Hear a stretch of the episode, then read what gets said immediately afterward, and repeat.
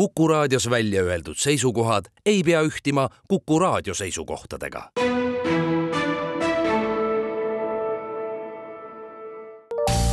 terviseks. Saadet toetab Lääne-Tallinna Keskhaigla, vaata ka keskhaigla.ee tere, head Kuku kuulajad, eetris on saade Terviseks ja kui me eilses saates rääkisime harvikhaigustest, siis tänasel teemal jätkame. mina olen Ingela Virkus ja koos minuga on stuudios Lääne-Tallinna Keskhaigla närvihaiguste ja psühhiaatriakliiniku ülemarst juhataja, neuroloog doktor Katrin Krosspaju, tere taas! tere! kahekümne üheksandal veebruaril on siis rahvusvaheline harvikhaiguste päev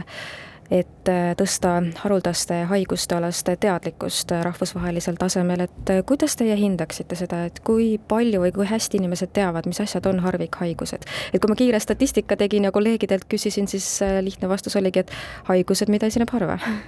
jah, see on väga loogiline, see on muidugi ka õige, aga need haigused siis peaksid olema ka eluohtlikud või puuet põhjustavad, aga mida on ka väga oluline teada, et, et nende haiguste koguarv on väga suur, et seitse või kaheksa tuhat või rohkemgi tänapäeval, tänapäeval eh, aga või veelgi olulisem on, et kui me nüüd paneme kõik need harvikhaigusega inimesed kokku, siis noh, enamasti tuuakse siis selline võrdlus, et neid inimesi on kokku rohkem kui diabeedihaigeid nii et selles mõttes igaüks on oma, oma ühe haruldase haigusega, aga tervikuna on see väga suur osa ühiskonnast, keda see probleem puudutab kui paljusid siin Eestis võib see teema puudutada eriti lähedalt, et kas on no. ise inimesel siis, inimesel endal harvikhaigus või tema lähedasel? Noh, kui me mõtleme nii, et kuussada kuni kaheksasada inimest on harvikhaiguse diagnoosiga ja nende ümber on päris suur äh, nagu toetusgrupp, perekond, lähedased, siis äh, muidugi see inimeste arv on väga suur. aga ma arvan, et üks põhjus, miks me võib-olla igapäevases elus ka väga palju ei taha sellest rääkida,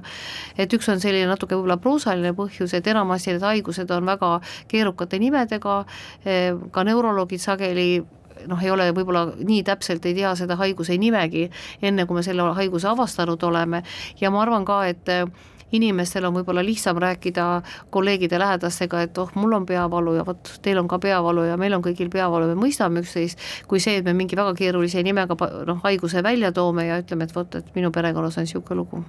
kuidas äh, nende diagnoosideni siis üldse jõutakse, et ähm, kas need kuidagi avalduvad esmalt ühtemoodi, sarnaselt, siis äh, jõutakse arsti juurde ja siis vaadatakse, et äh, et seal on ikkagi enamat, et ta ei ole tüüpiline peavalu, et seal võib olla midagi muud hoopiski noh, peavalu on selle poolest eh, natuke halb näide, et eh, peavalu kohta me teame üsna kindlalt, et eh, enamasti seal mingisugust konkreetseid geenimutatsioone ei ole, erandiks on üks väga haruldane peavaluliik, mille korral siis peavalu, enne peavaluhoogu tekib ühe kehapoole nõrkus, mis muidugi möödub peavaluga, aga teiste haiguste korral see sõltub väga palju ka geneetika võimalustest eh, konkreetsel maal, Eestis on sellega meil väga hästi, nii et Eestis me väga sageli mõtleme sellele võimalusele, et tegemist võiks olla geneetilise haigusega. Eh, millistel juhtudel, noh väga sageli, kui me räägime lastest, siis ikkagi, kui on mingid arenguprobleemid, laste arenguprobleemid, kindlasti peab sellele tähelepanu pöörama. Eh,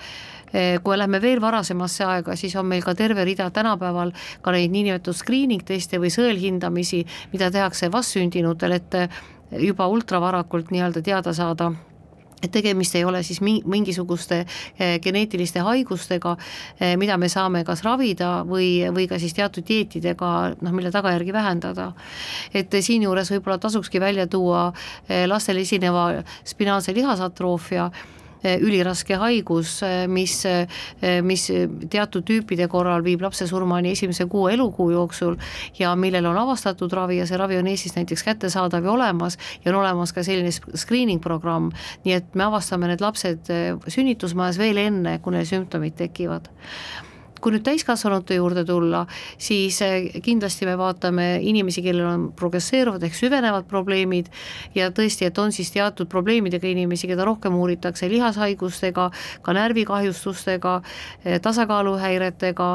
eh, noh, paljude selliste probleemide korral, kus on nagu võib-olla ka teadmist rohkem, et selle taga võiks olla midagi,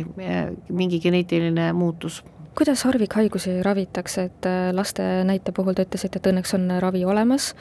aga kas äh, teistele haigustele on ravi olemas, kui neid nii harva esineb, et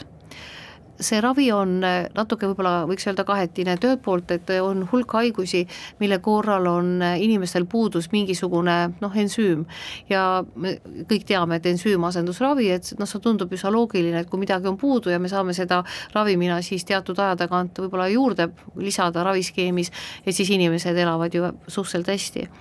aga täiesti uueks lähenemiseks harvikhaigustele on äh, geeniteraapiate või geeniravide äh, tulek. ja seesama äh, spinaalne lihasatroofia, millest juttu oli, ongi selles mõttes nagu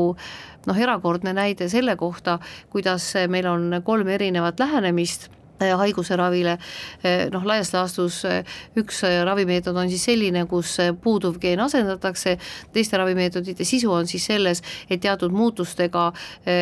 halvasti töötavas geenis pannakse see halvasti töötav geen hästi tootma siis ka vajalikku valku. Ja seetõttu siis need lapsed, keda hakatakse ravima enne sümptomite teket, noh praegu tundub, et paljud nendest elavad väga hästi aga, aga miks see tähtis on, tähtis on see sellepärast, et see avab meile uusi võimalusi kõikide teiste geneetiliste haiguste ravis ka. ja noh, näiteks kui tuua näide millestki, mis on päris võib-olla uus, on üks ataksia vorm, kus meil on nüüd alles mõni nädal tagasi Euroopa Ravimiamet kinnitanud siis uue ravimi, see on siis Friedreichi ataksia ja nad kinnitasid, et oma veloksoon siis on selline ravim, mida saab kasutama hakata Friedreichi ataksiaga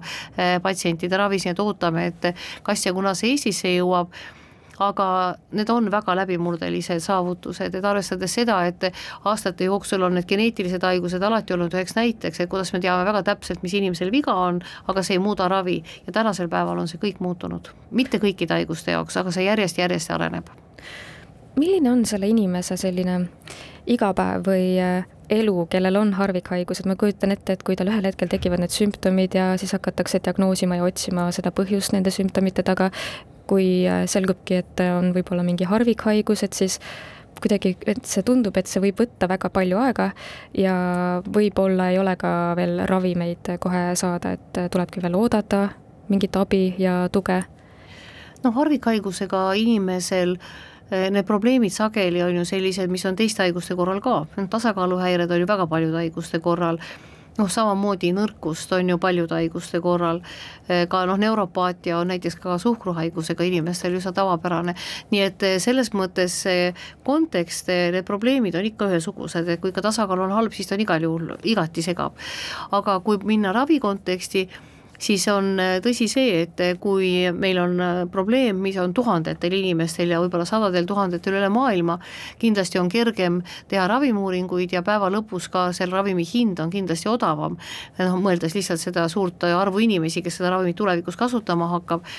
siis harvikhaiguste puhul eh, ka lähenemine on erinev, et näiteks kui ma eelnevalt rääkisin, et on olemas geeniravi selle laste spinaalse lihasatroofia korral, siis see geeniravi uuring oli siis selline, eh, kus kaasati väga piiratud arv eh, spinaalse lihasatroofiaga lapsi, viisteist last, ja kontrollgruppi üldse ei olnud, et mida me tänapäevastes ravimiuuringutes ju tegelikult ei näe.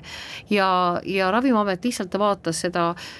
kogutud andmed nende laste kohta, kes pole kunagi ravi saanud, vaatasid ravitulemusi ja otsustasid, et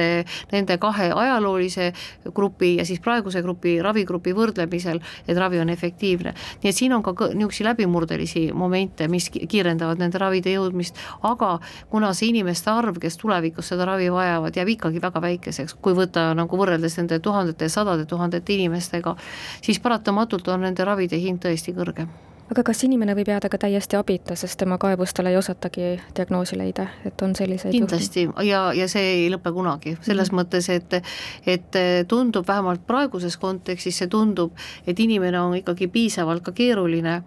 et sellist ühte ravi, millega me kõik asjad korda teeme, et, et nagu võib-olla ei tule, ehkki siin on ka nagu muutusi, et, et millisel tasemel me sekkume, et kui me räägime geeniravist, see peab väga konkreetne, täpne olema, samal ajal kui me räägime mingisugusest rakkude kulumisest või rakkude kahjustumisest,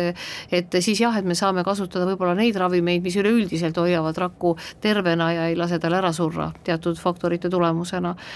nii et, et tulevik on igal juhul äh, sellise positiivse õnguline, aga kas nüüd äh, tuleb kunagi selline maailm, et me suudame absoluutselt kõik inimesed hoida tervetena, et see tundub mulle natuke liiga optimistlik aitäh teile saatesse tulemast, äh, Lääne-Tallinna Keskhaigla närvihaiguste ja psühhiaatriakliiniku ülemarst, juhataja, neuroloog, doktor Katrin Kross-Paju ja palju jõudu ja jaksu teile! aitäh! terviseks saadet toetab Lääne-Tallinna Keskhaigla, vaata ka keskhaigla.ee